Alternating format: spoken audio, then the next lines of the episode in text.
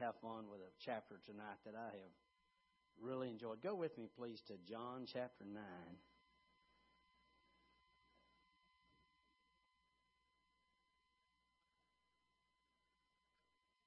I was asked the other day about, you know, what we've been talking about on Wednesday nights uh, a good bit. I think there's been four different sessions on it of convincing ourselves, uh, using our dominion over our lives, our bodies, and getting that fixed. And, and someone had mentioned, would I please pray about continuing to do that? And there is a little more there that I haven't haven't covered yet because we do we do need to uh, to understand how to take dominion over our situations. Uh, how to that, that we do only have one body you know, and we'd like to live around here. The, the last thing the Lord said about age was 120 years. Okay, now we realize that most people don't get there, but I think we ought to try. You know, uh, and if someone, if you say that to someone and they say, "Oh no, it was three score and ten, that was 75," uh, it's what religion religion has always said. That was under the people who were in the wilderness under the curse because the Lord said they couldn't live long because, well, they wanted the law. And so when they took the law, He said three score and ten, and possibly some of them stronger uh, can live to be 80, maybe 85. But it was simply under that curse of the children of Israel who were in the wilderness. The last thing the Lord actually said was a parallel of the end time. He said, Man's days will be 120 years.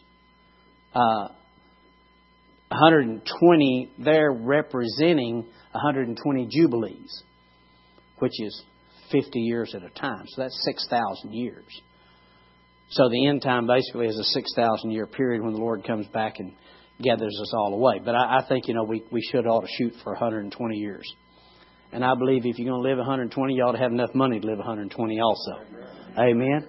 I believe those two things ought to go along together. You have the money and the health, and that's what we do. But all right. But anyway, Stoney, you know we love you and we appreciate you. And we know we'll see you from time to time. But and we know that God's going to bless you where you're going.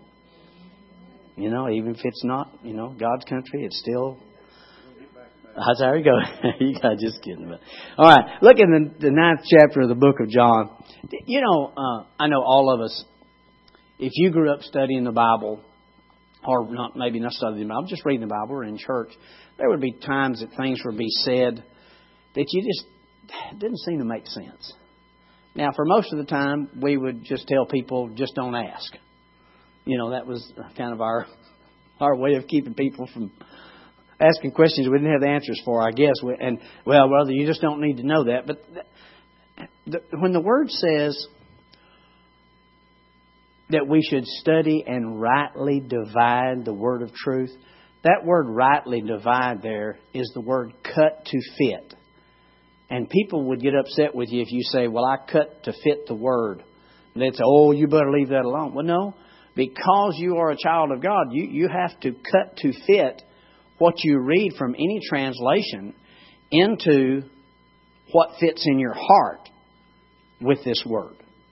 You see what I'm saying? I'm not saying change the word. I'm saying because we have translations, you need to find out what the original Greek and Hebrew says. Not only what it says, but uh, Miles uh, Coverdale, and that the, the guy that uh, first translated uh, the, the Bible into to English, uh, and he, the front page of his uh, declaration of that translation says something to this effect: that if you're going to study the Bible, and he uses the word behoove, it would behoove you when you read something to first of all find out to whom it was written what they were talking about, what they were dealing with, what was going on at that time. And he had just a long list of all the things that we were never really taught to consider when we were taught to read and study the Bible. We were just taught to read it and take it at its word. But the man that translated it understood, or one of the men that translated it understood, that a lot of the words that are said, if it's just the word, you can't always take it as that it means that same thing every time. Okay? Because it's like if if you and I were talking and, and uh, Heidi and I were talking together, and I said something, and I said, she said something, and I said, Really? Or if we were talking and she said something, and I said, Really? It's two totally different things. What we have to know is that's the way the Bible is written too, because with the Hebrew and the Greek idioms and the way the things were said, you have to study the Greek and the Hebrew, and you have to know what tense it's in. You got to follow the Holy Spirit. So when you read something and you say, that just there's just something that's not right about that. Something's not fitting there. I can promise you there's probably something there that's not fitting, and you need to go find out what that is. All right? Because too many times, you know, in order to, to stay free at, with the grace of God in our lives, we need to know not only what that says, but what it means. And this was one of those for me.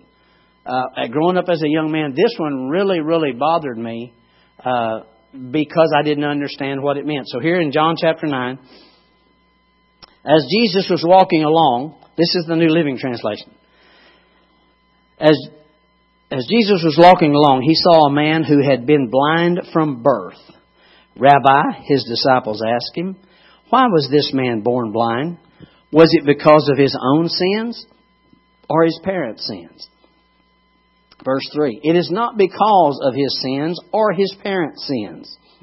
Jesus answered, this happened so the power of God could be seen in him. Well, that really bothered me as a kid. Uh, because we, you know, we heard God was good, but we thought God had a different idea of good than what we had. And that God could make someone sick or God would put somebody through something, but that was a good thing. And because it was hard to understand. Can, can you go to the King James in that, please? I'm gonna take I'm taking just a few minutes here, and then we're going to run through this trip, this this story because this guy here is a is one of the coolest guys I think you'd, you'd ever meet, and a, after what happened to him. All right, it says, "And Jesus passed by, he saw a man which was blind from birth." And his disciples asked him, saying, Master, who did sin, this man or his parents, that he was born blind? Jesus answered, Neither has this man sinned, nor his parents but that the works of God should be manifest in him. We, we got the idea that the Lord made this man be born blind so that he could come along ever how many years later and get glory out of healing him. And that really bothered me. Now I was I was I was settled with it if that's the way God was then I, you know, I'm okay because I wouldn't question God if that's what He did. But there was just something that wasn't right about that. It didn't make sense for God to have a, a, a little baby boy born blind and have to live his whole life blind and to suffer and go all through all of this so God could get the glory. That you see what I'm saying? Well, and the King James makes it a little easier. But see, we, we are a people. If we don't study to show ourselves approved from the Word of God, we are a monkey see, monkey do bunch. Somebody says something, oh, well, that makes sense. And we would follow it. Or if we could get enough people preaching the same thing, we would follow it.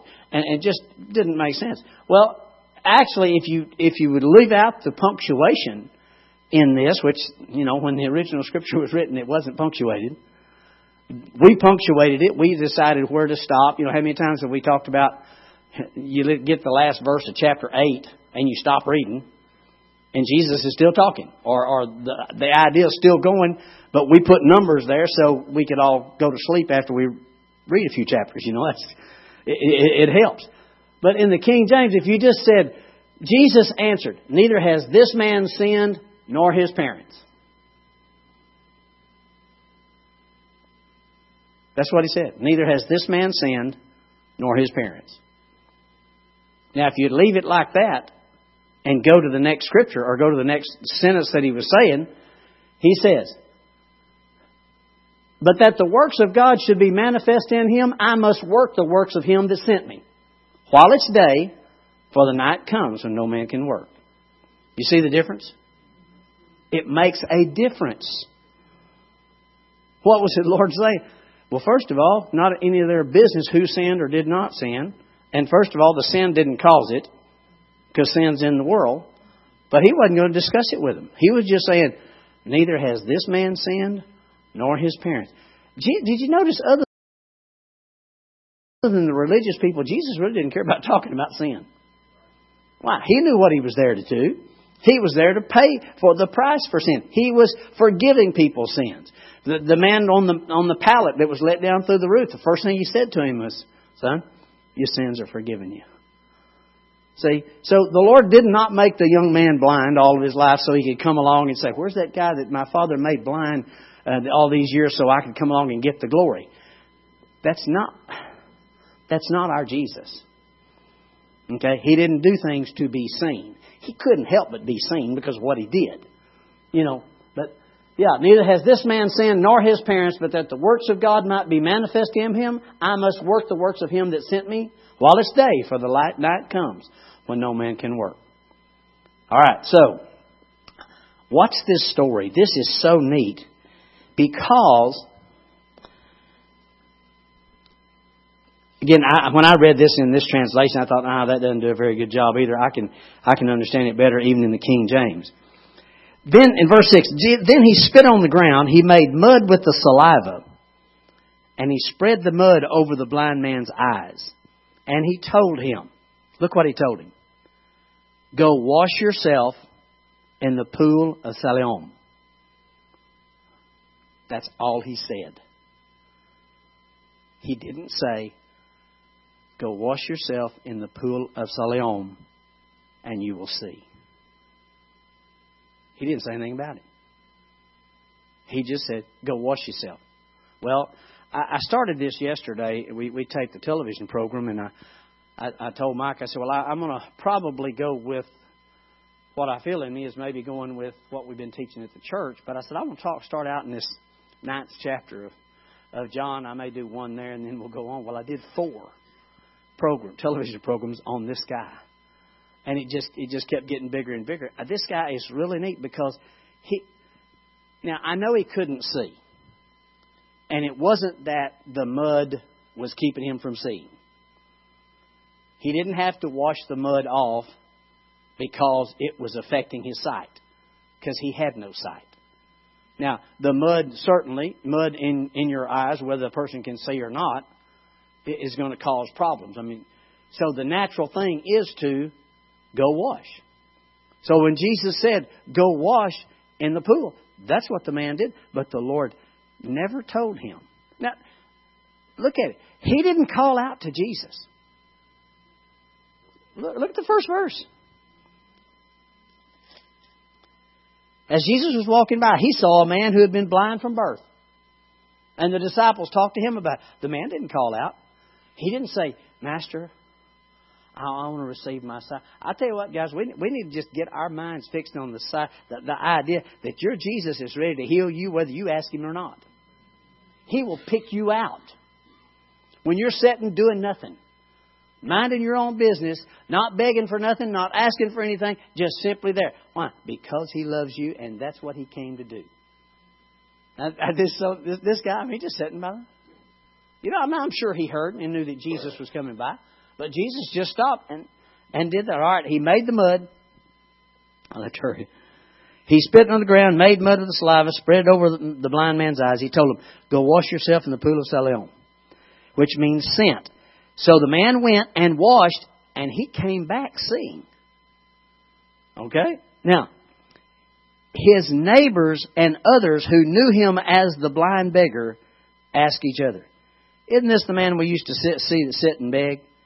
Someone said, uh, he was, and others said, well, no, he just looks like him.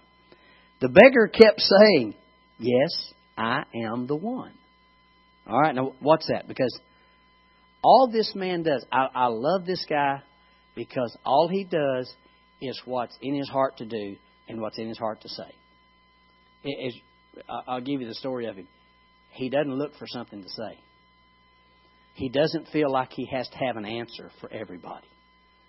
Sometimes Christians feel like that we've got we, we've got to explain everything as how the Lord does it and if it doesn't and if it works and everything else. This guy sitting by the side of the road minding his own business, didn't ask for anything, and because of the goodness of our Lord Jesus Christ, he just walked up and You know, he. I, I don't know that the Lord said, "No, I'm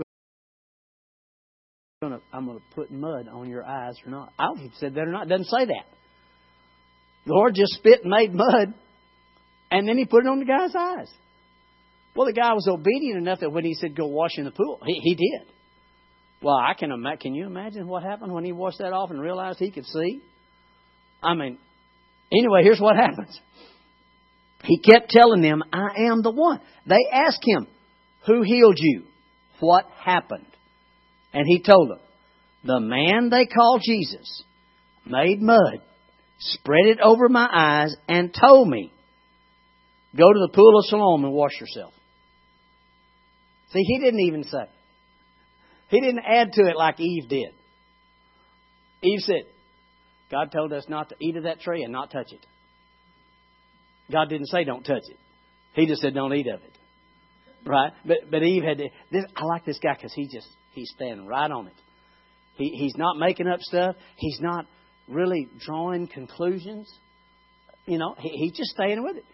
I went and washed. Now I see. Well, what happened to him? He told him, the man they called Jesus made mud, spread it over my eyes, told me, go to the pool and wash. So I went, and washed, and now I can see. Well, where is he now? Well, I don't know. See, you don't have to have everybody's answers. You know? Just because. Here's what I, when the Lord blesses you, people won't know about that blessing. Don't give them a, a six step plan to get it. Do what this guy did. Say, he made mud and he put it on my eyes. I mean, they'll all be getting mud made put on their eyes anyway when that when, that type of situation. Because people want to do whatever you did in order to receive what you got. And what you've got to remember is, I did nothing. He did it. He put the mud on my eyes. I mean, it just made sense. What would be the next thing to do? Wash it off. You know, some people would be leaving it on there for weeks. But, you know, but no. He, that's all he just, oh, the next church starting down the road would be, you know, the church of mud on your eyes. You know, that's just, you know, we, we tend to do things like that. Now, I don't know, he replied. Then they took the man who had been blind to the Pharisees. Now, actually, he was supposed to go to the priest. Because Moses had been given everybody a list on different diseases and different things when they were healed in the Old Testament of how they would go to the priest and they would offer a sacrifice for thanksgiving for what the Lord had done for them. But no, we didn't go to the priest. We went to the Pharisees. All right, we went to the guys that we want to see if this healing is really real, if it's of God. You know, years ago, uh, Brother Hagin had a, a lady uh, from a denominational church come and get in one of his prayer lines, and she was in a in a wheelchair, and had been in a wheelchair for eight or nine years, and didn't know anything about prayer lines, anything else. Some friend talked her into going. Came by. Power of God healed the lady. She went home without her wheelchair. The people in Tulsa there knew her and knew where she came from and what she came out of. And uh, they they found out that for three days she was healed, just walking around telling everybody, having a great time on the Saturday before Sunday, her pastor found out about it. And he came to her house and he told her that it was not of God. That God had put her in that wheelchair in order for her to be a witness to, to people like that and told her that this was just fanaticism and, and whatever. And before he left, she, lost, she fell back and could not walk anymore. People can be talked out of their blessing. Not us, but people can be. That's why when, when they took him to the Pharisees, this guy was not going to be talked out of his blessing. I, I watch him. He, all right, I'll just I'll read this because we're running out of time here. Uh, where was it? Seventeen? No, no, no, no. Four, four, Thirteen. Then they took the man who had been blind to the Pharisees because it was on the Sabbath day that Jesus had made mud and healed him. See, it was more important to the Pharisees that, that Jesus healed on the Sabbath day than it was for this man to get healed. They did not care about the man getting healed. All they cared about was that Jesus healed somebody on the Sabbath day, which was called work, and you're not supposed to work on the Sabbath day. The Pharisees asked the man all about it. So he told them. I like this. I, I, I think of, was it George W. Bush or George Bush that said, read my lips? Was it hey, George? Yeah. This is what to me this guy is saying. Read my lips. What's the deal here? Look, he put the mud over my eyes, and when I washed it away, I could see. Some of the Pharisees said, This man Jesus is not from God, for he is working on the Sabbath day. Others said, Well, how could an ordinary sinner do such miraculous signs? And there was a deep division of opinion among them. Then the Pharisees again questioned the man who had been blind and demanded, What's. Look at this. These are Pharisees. These guys have it all. They know it all. They do, and they said, What they say to him? What's your opinion about this man who healed you? And the man replied, I think he must be a prophet. I like, I mean, it's not like, I'm telling you in the name of God by that, that he said, I think he must be a prophet. Why? Because he was healed. That's all he cared about. This is your everyday guy on the street that doesn't want to talk to you about religion. He just needs stuff, and when he gets it, he's excited about it, okay? The Jewish leaders still refused to believe the man who had been blind and could now see, so they called his parents. They asked them, Is this your son? Was he born blind? If so, how can he now see? His parents replied, We know this is our son. We know that he was born blind but we do not know how he can see or who healed him. Ask him, he's old enough to speak for himself. His parents said this because they were afraid of the Jewish leaders who had announced that anyone saying that Jesus was the Messiah would be expelled from the synagogue. In other words, they wouldn't be able to receive the stuff that they need to receive. They didn't have the, the connections. They didn't didn't have all the things that they their religion was about to disown them. So they just kicked it back on him, you know. That's why they said he's old enough, ask him. So the second time, they called the man who had been blind and told him, God, God should get the glory for this. Well, they're right there. Because we know this man, Jesus, is a sinner. And here's this guy. Uh, I don't know whether he's a sinner. This man replied, but I know this.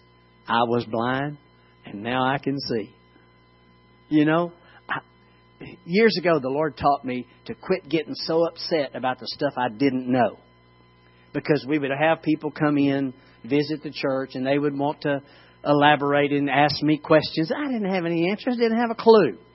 You know, and they'd want to talk eschatology and they'd want to talk all the different things, you know, and I didn't have know what they were talking about. I didn't want to, and, and, and you know, 20 years ago or 30 years ago, probably longer than that, I felt like I had to have an answer for everything, you know, and why, do y'all do this? Y- y'all do have a school, don't you? You, you know, I, I'm going with my, my, my buddy Sherman Owens. He said, if you have a school, you better have heard the audible voice of God. I promise you right now. I said, yeah, I understand that. But you don't have to have answers for everything. And don't let people try to pull you back into their religion using certain obscure scripture to try to tell you that God doesn't do that anymore, that He's not, you know, that this was a sign from Him and uh, and all. Just do like this guy. Sometimes just act ignorant. Just I don't know. He says, "It's all I can tell you. I was blind, and now I see." Now, is nobody going to be able to run him away from Jesus? Why? Because he didn't care their religion hadn't done anything for him all those years. And all of a sudden, here comes this man and puts mud on his eyes, and he gets healed, and they want him to lose his healing, or they want him to, you know. So no, he, this guy, I like this guy. He, he might just, just spit in your eye. So he said, I don't know whether he's a sinner. The man replied, but I know this: I was blind, and now I can see. Well, but what did he do? They asked. How did he heal you? Look, the man explained. I told you once. Didn't you listen? Why do you want to hear it again? Do you want to become his disciple too? Then they cursed him. The Pharisees, they, they, they, they cussed the man out. Okay. You're his disciple, but we are disciples of Moses. We know God spoke to Moses, but we don't even know where this man comes from. Well, now look at this. This guy actually, see, it's always good not to let everybody know how much you do know. Because sometimes you can keep some stuff back that, that you know and you don't have to let them know that. Well, he knew a little more than, than what they, they thought. Uh, he says, Well, that's very strange, the man replied. He healed my eyes, and yet you don't know where he comes from? We know that God doesn't listen to sinners, but he is ready to hear those who worship him and do his will. Now, look here, he even knows this. Ever since the world began, no one has been able to open the eyes of someone born blind. He knew that. He, this was talked about. You know, I'm sure there had been people who had lost their sight and, and regained it and that type thing. But they all knew somebody that was born blind, he had never seen anybody healed that had been born blind. And that's exactly what happened to him. Now, if this man were not from God, he couldn't have done it. You were born a total sinner, they answered. Are you trying to teach us? And they threw him out of the synagogue. Well, when Jesus heard what happened, he found the man and asked, Do you believe in the Son of Man? Now, see, go back to that scripture that said the man was made blind so that God could get the glory and understand what Jesus just called himself. He didn't say, "Do you know do you know the Son of God? Do you know the Messiah? Do you know the Savior?" He said, "Do you believe on the Son of Man?" Well, John John 5 tells us that Jesus said that he has the love of God in him because he can give us the love of God because the love of God's in him. And he said he also, talking about the Father, he said he also gave me power to execute judgment because I'm the Son of Man. Because man has the authority in the earth. That God made earth for man. So he had the right to heal him because Jesus is all man. So he's not trying to bring any attention to himself. Again, so many times he would tell people, "Don't, don't tell, don't tell this, don't tell how this happened." This guy didn't have a chance. I mean, he'd been born blind. They, they, you know, they were they were dragging him all over town, trying to hear his story. So anyway, do you believe on the son in the Son of Man?